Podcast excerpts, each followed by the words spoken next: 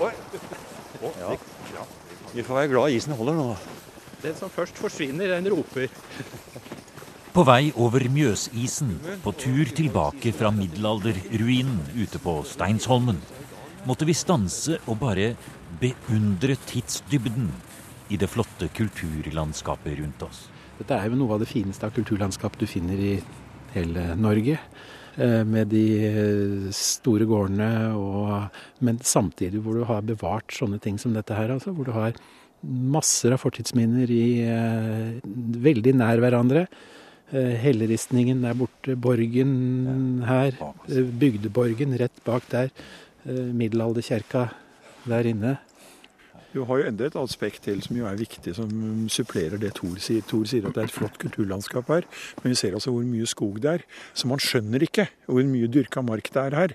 Men vi er jo faktisk i et av de stedene i, på den skandinaviske halvøy, det vil da si ikke Danmark, hvor det meget sjelden er registrert hunger i allmuen i historisk sted. For man har vært selvforsørget, ja. Mat her. Det er, man har hatt et matoverskudd i denne regionen, akkurat sånn som man har hatt i Danmark. Og det har nok vært med på å skape disse fantastiske kulturminnene som man i dag fortsatt kan oppleve. Noen kulturminner er lette å se i det åpne landskapet. Andre må det et trenet blikk til. Tor Sæter fra Domkirkeodden og Tom Haraldsen fra Mjøsmuseet tar oss med nordover. Over Mjøsbrua og videre oppover på vestsiden av Mjøsa i retning Lillehammer. Like etter Vingrom tar vi inn på en liten avlastningsvei som går parallelt ved siden av E6-en.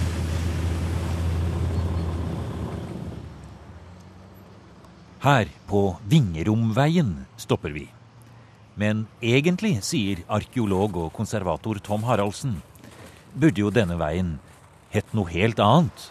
Ja, Etter mitt skjønn så burde den jo ha hett Gullgubbeveien. Og Grunnen til det det er jo kort og godt at uh, gullgubber det er et uh, stykke metallfolie laget av gull med små figurer på, på størrelse omtrent med tommelfingernegl i størrelsen, og tynn som tynn aluminiumsfolie. Et frimerke faktisk et eh, tiårs gammeldags frimerke, posthornfrimerke, er tungt i forhold til disse objektene. Jeg har veid dem, så derfor vet jeg det. For når du sier Gullgubbeveien og forteller så fint om gullgubbene, så er det jo fordi at akkurat her vi står nå, ved denne brøytekanten, og vi skal gå ut i snøen der litt øyeblikks, om et lite øyeblikk, der fant dere jo gullgubber. Eller du fant, eh, Tom? Ja, faktisk. Jeg må si det at jeg fant gullgubber her. Og det var jo for så vidt et mentalt sjokk. Fordi at man fant noe som ikke fantes. Og man hadde en undersøkelse her. Fordi at akkurat her vi står, her var det spor etter eldre jernaldersbebyggelse. En Ca. 180 kullgroper ligger i strøket her langs med veien. Og det var det som var utgangspunktet for en undersøkelse her oppe. Det var disse gropene. Dere skulle grave jernalder og den type bosetninger når veien skulle komme. Var innstilt på det og satte opp undersøkelsen etter det. Ja, og så Mens jeg holdt på å klargjøre dette, så var jeg ute i grøftekranten ut mot E6. Eh, for det, noen arkeologer er i hvert fall slik at de må ut og se der hvor det er jordprofiler. Og Der fant jeg altså da en, eh, god halvmeter tjukt lag, som var eh, åpenbart kulturlag, som viser spor av et gulv.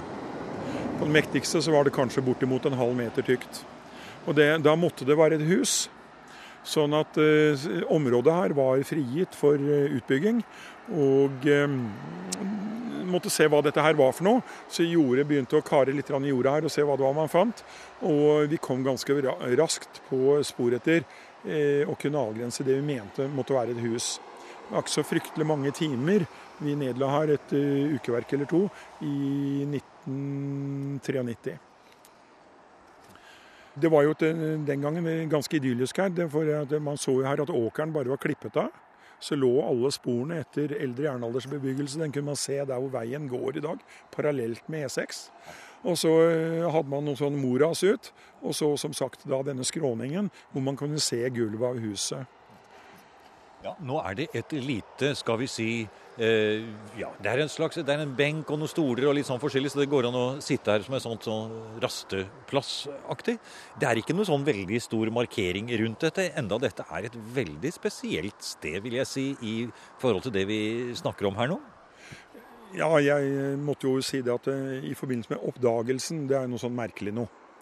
Og det er jo slik at eh, når man har en undersøkelse, og så finner du noe, og så sitter man med noe i hånden, og så sier man dette er gull. Og så er det da spørsmål er dette gullet. Så sier man ute i verden dette kommer kanskje fra en spenne eller et eller annet sånt noe. Og så sier jeg alle stimler sammen og vil gjerne vite hva det er for noe. Og så sier jeg vil gjerne få lov til å tenke litt over dette. Vel vitende at vi hadde funnet noe som ikke fins. For på det lille gullfragmentet som vi fant først, som ikke var en fullstendig gullgubbe, der så jeg to føtter. Og eh, det kunne ikke komme fra noe annet enn gullgubbe. Og gullgubber fins nesten ikke i Norge. Og på daværende tidspunkt så var det i hvert fall for de som arbeidet i forbindelse med kulturvern på arkeologisiden, det var ikke noe man fant. Man fant det fra tid til annen i Sverige eller Danmark. Mest på Bornholm i Danmark, det var berømt for det, men også noen steder i Sverige. Så det, det, det var liksom ryktene om noe, og det var jo da så nær liksom som ryktene om at noen hadde vunnet i Lotto. Det er omtrent det samme. Altså, Statistisk sett vinner man ikke Lotto, men noen gjør det allikevel hver uke. Det er jo noen som gjør det. La oss gå litt ut i snøen her og bort der som dere fant akkurat disse gullgubbene. Vi tråkker litt ut i snøen her. Nå går vi og vamper ned i snøen her. Her? Her, ja. Og er det noen som vet det, så er det du. For det var her du fant det, Tom. Her, ja. Faktisk her hvor vi står. Her ble de altså funnet. Her lå det ikke bare én gullgubbe, men så vidt jeg vet eh, flere. Ja, og det har jo vært da, var undersøkelse i 93 hvor vi da fant to og faktisk fastslo hva som var her. Og så har det vært noen ettergravninger for å se hvordan kulturlagene hvordan de oppførte seg. Det ligger jo en litt spesiell situasjon her, konservering og sånt nå, hvordan det var på stedet. Men altså, hva ser du for deg at det har vært av huskonstruksjon eller andre ting, og hvorfor lå det akkurat her? Det vi jo fant her, det var jo ganske besynderlig. For før gullgubben kom for en dag, så fant vi noen perler. Så fant vi en ringnål. En liten ringnål. Det er sånn som man fant også på Lands of Meadows. Eh, det er en vikingtidsobjekt. Newfoundland, ja. Newfoundland. Yngre jernaldersgjenstand. Og så fant vi, dukket det plutselig opp et sverd, noe som kalles en skramsaks. Et kortsverd, enegget. Og Det går, kan gå tilbake i tid, til 550 etter Kristus. Altså så vidt det er inne i eldre jernalder. Og så sitter man da at eh, man kan finne boplassfunn, men ikke med sverd i. Da, eh, da, begynte man å bli litt bekymra for hva det var vi faktisk hadde funnet her. Og eh, så var det slik at et par dager før vi skulle avslutte og pakke ned det hele, så rensker vi opp litt til. Og da sitter vi altså med en bestand at vi har en skramsaks, vi har et halvt dusin kniver. Vi har et dusin med ildstål. Det har aldri noen funnet noe sted. Et, eh, et halvt dusin til med emner til ildstål som er funnet, også på samme stedet. Og så dukker det da opp gullfragmenter. Da, dette som jeg da så, var da et sett med føtter. Og eh, som sagt, jeg tok meg en liten halvtime, og så sa jeg vi har funnet noe ingen har funnet. Og enhver må tie stille, holde kjeft om dette. Og eh, frem til da 2002 så greide alle de som var med på denne undersøkelsen her å holde kjeft. Men i 2002 så eh, sprekker det da for noen, som da lekker og forteller at det er funnet gull på Vingerom, og alle media er ute og jakter på dette her. Og da kom de akkurat hit, som vi står nå, og skulle da se om dere kunne finne mer, for da måtte dere jo grave videre. Det måtte vi. Og da eh, hadde vi en undersøkelse her noen uker, og det ble funnet en jeg tror det er en ti til. Og så ble det gravet sesongen etterpå, hvor det da kom ytterligere noen objekter, slik at vi kom opp et antall på 19. Og så var det en gravning her i, sen, i sommer, hvor det da ytterligere har kommet ti til.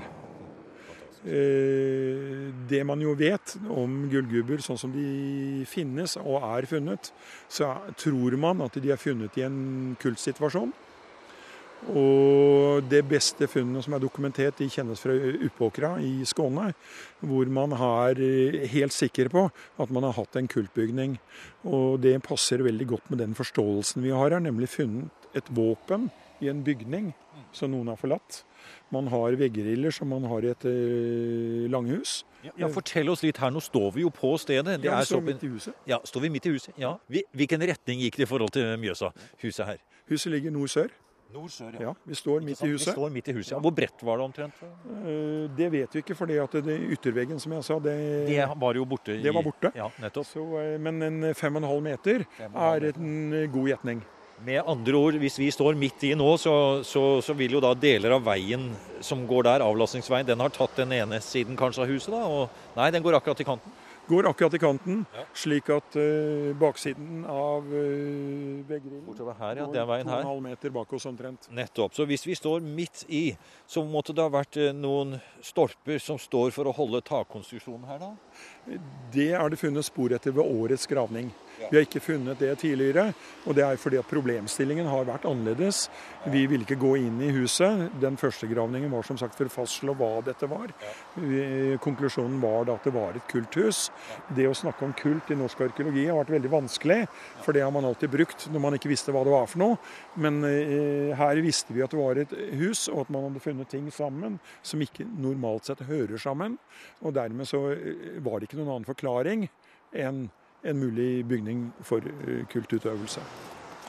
For et flott sted vi er på her. Altså, det, selv om vi står og fryser litt her nå, og hutrer litt, så må jeg si det varmer nesten litt sånn i overført betydning å høre hvor flott det er. Vyer allikevel, Ja, selv om trafikken dundrer forbi. Da trafikken dundrer forbi, og vi står ute i snøføkka her, men likevel. Vi står på historisk grunn her nå. Jeg, jeg, jeg syns jo dette huset ligger litt underlig til i forhold til eh, sånn som man er vant til at jernalderbebyggelsen ligger. At uh, iallfall nede på Hedmarken så ligger jo uh, de husene som er avdekka høyt og fritt, altså på høyder i terrenget. Mens her er vi relativt nær Mjøsa, og det må ha vært uh, kanskje fuktig. Sig fra markene overfor her, og i det hele tatt lite gunstig sted. Men der altså observasjonen din den er jo helt korrekt. At på Hedmarken og alle andre steder så finner du husene oppi lia. Og det er jo slik her også at Ja, hvis du går midt oppi lia, Ja. her hvor de husene ligger bortover, Ja. så, ligger, så ligger gårdene der. Men Ja. det er bryggestein i åkrene der, slik at det er en fase med bebyggelse som ligger Ja, her oppe, som ikke er datert.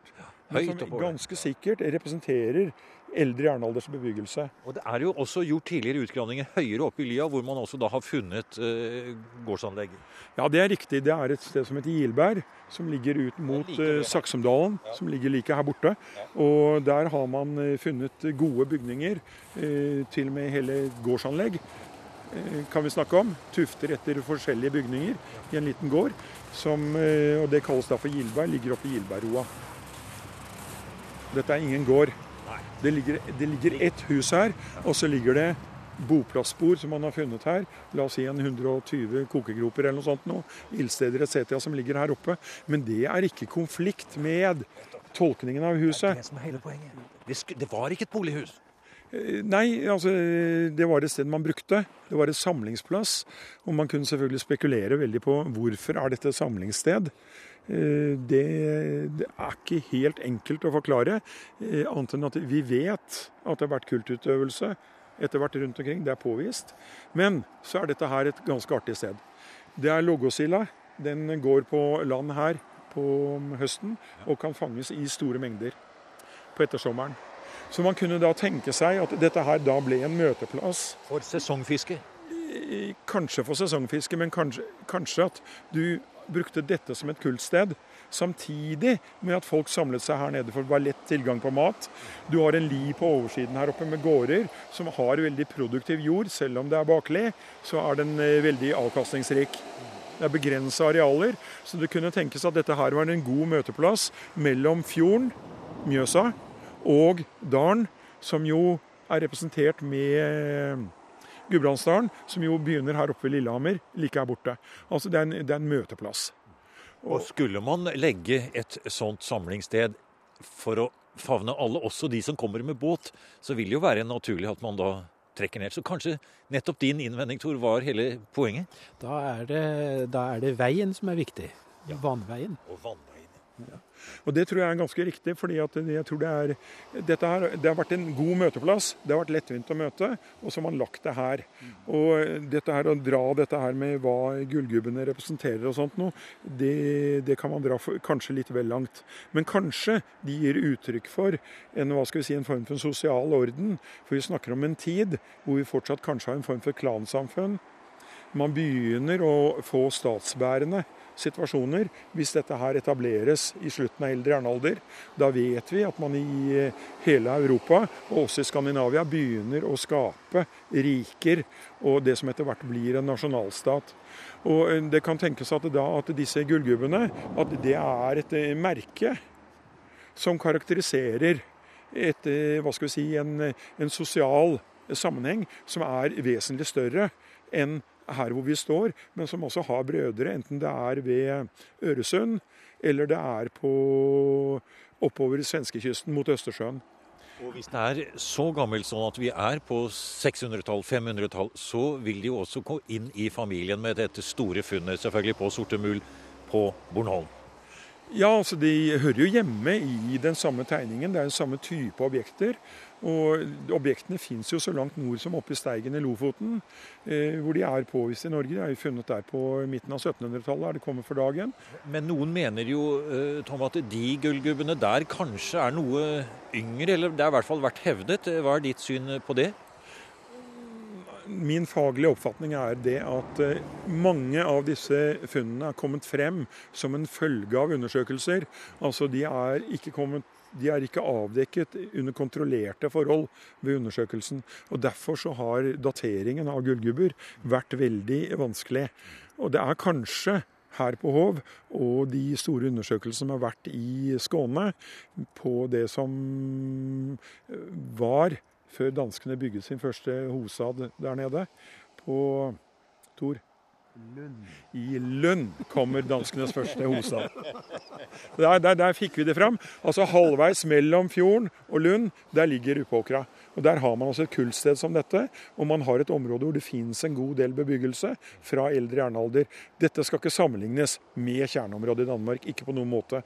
Men funnene man gjør, de er litt likeartet. De sier noen ting om en annerledes situasjon i et hus. Og du har en objektgruppe som finnes på noen punkter rundt omkring. Og det kan hende at disse punktene, at disse gjenstandene, er ikoner som sier noen ting om fellesskap. Så vi vet jo at man i denne perioden har etterstrider for å vinne makt og skape riker i Skandinavia. Eh, først Danmark, som jo etablerer en form for et riksdømme. Eh, så kommer Norge etterpå, og så kommer Sverige etter hvert med utgangspunkt i Uppsala og etablerer en enhetlig struktur. Sånn at eh, vi vet jo det at denne tiden må inneholde symboler, og den må inneholde de tingene som skal til for å få folk til å føre samhold. For alle er ikke i direkte slekt med hverandre. Så man må også ha en form for en administrasjonsordning, måter å få det til på. Og det er klart at en form for kultutøvelse, systematisk som binder folk sammen. Det er også en måte å gjøre det på. Gå litt inn på og forklare oss hva slags motiver som ble funnet på gullblikket under føttene dine her nå, Tom. Var det dobbeltgubber, altså en mann og en kvinne, eller var det også noen av dem som var enkeltgubber? Var noe utskåret blikk, eller var alt inne i disse små, firkantede miniatyrbildene? Ja, Glemsens slør begynner å komme her, men jeg, de aller fleste er parscener. Jeg lurer på om det ikke finnes et unntak eller to. Men de aller fleste er parsener. Og det betyr at disse gullgubbene som er funnet her, de har jo slektskap med det som man blant, fant ved Mære, Mære kirke i Trøndelag. Som man da fant i, på, på Jæren, på Borg i Lofoten. Og, så de er kjent flere steder. Grunnen til at vi spør deg, som er finneren av det, hvordan det så ut, det er jo at de, disse, dette funnet er jo fortsatt under analyse og under utarbeidelse, og vil jo senere kunne bli publisert og man kom, komme nærmere inn på det. Men det er jo så interessant å stå akkurat her og se utover Mjøsa på dette funnstedet, og vite da at det heter Hov. altså. Det er jo i seg selv en uh, viktig pekepinn på bruken av området, og at det ligger plassert slik som det gjør.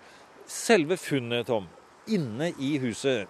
ble det funnet i forbindelse med stolpehull, eller ble det funnet konsentrert på steder i kulturlag som ikke var i stolpehull, eller, eller hvor lå det?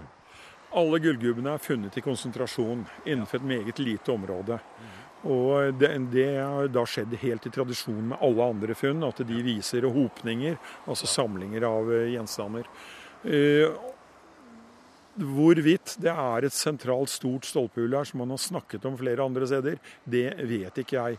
Og undersøkelsen er vel heller ikke kommet så langt at dette er avdekket. For Hvis det er lagt ned i et stolpehull, så er det jo altså da lagt ned for å velsigne huset f.eks., så har man reist huset oppå.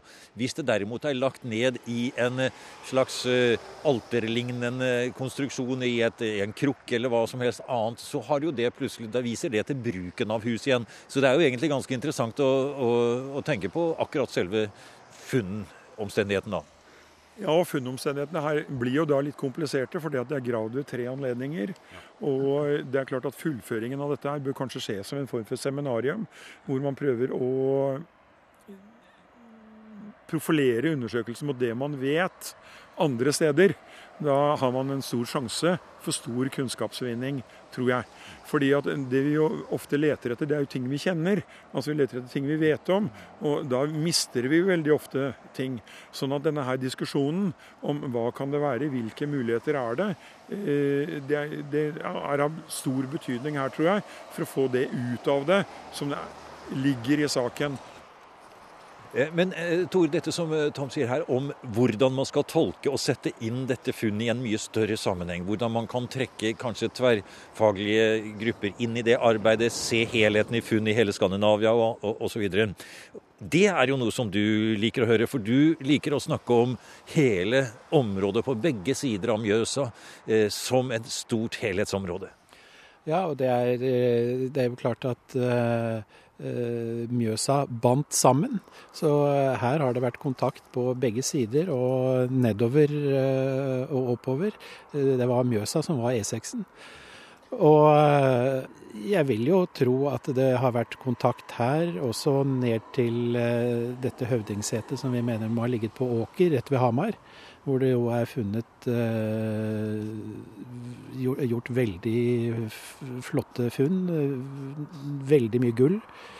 Og veldig mye seletøysbeslag og spenner og sånne ting, med forgylling og edle steiner og diverse. Og hvis vi snakker 500-600-tall her på Hov i de aller første funnene her, så er det jo noen Så snakker vi slutten av 500-tallet, begynnelsen av 600-tallet, nedpå der. Ja. Og da blir det et spennende område vi står i. Ja, absolutt. Med forbindelser da i forhold til åker til kanskje de britiske øyer og andre steder også rundt omkring? Ja, ned til Mellom-Europa. Og de samme gjenstandene finner du f.eks. i Uppland eh, nord for Stockholm. Men det vi jo vet, det er jo det at, uh, som Tor har påpekt, det, vi har jo Hamarkaupangen som vi får, som er naturlig at man bygger i det moderne middelalderske landskapet, som ligger på den ene siden av fjorden. På den andre siden av fjorden så har vi Toten-området, hvor du har seks middelalderkirker på åtte kilometer terreng. Altså Det sier noen ting om at det har vært så fryktelig mye mennesker her. Og Det har vært mat nok, og det har vært arbeid. Men det som jo er viktig, det er at vi ser jo at posisjonen og makten, flyttes til der hvor folk er. Men vi snakker om Mjøsområdet er i forhistorisk tid og middelalder det folkerikeste området i Norge. Vi snakka jo om eh, jernvinnet og den store jernproduksjonen si, i eh, landskapet eh, baka for oss, her vi står nå. Og det er jo blitt sagt at jernet det er Hedmarkens gull. Og eh, vi må jo regne med at det har eh, blitt eksportert jern fra dette området og ned til Oslofjordsområdet. Og sentralt i dette så finner du da sannsynligvis eh, dette høvdingsetet som har vært på Åker, og senere biskopen på Hamar. Eh, hvorfor tror du Tom, at akkurat dette var stedet? Nå forstår vi funksjonen, vi forstår hvordan Du nevnte dette med, med fiskerier osv., og, så videre, og at det har vært tidligere bebyggelse oppover i Line her.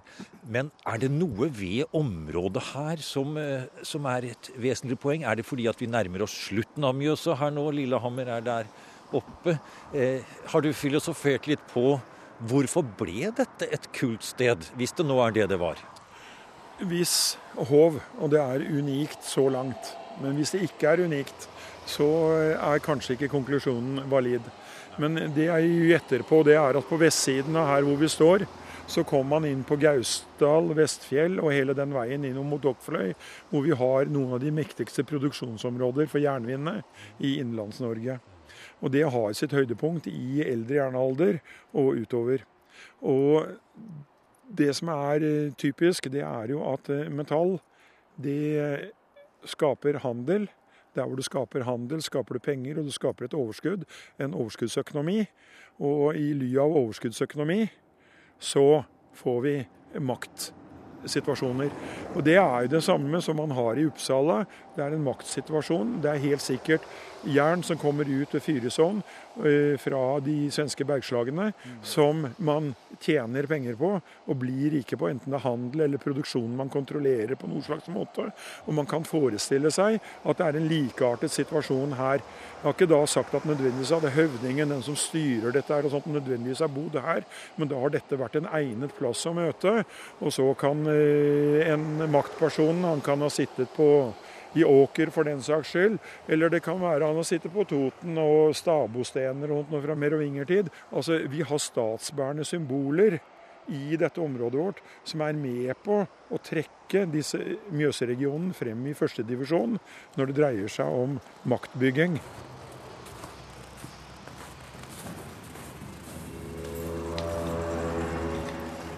Du har nå hørt programmet Museum som podkast fra NRK.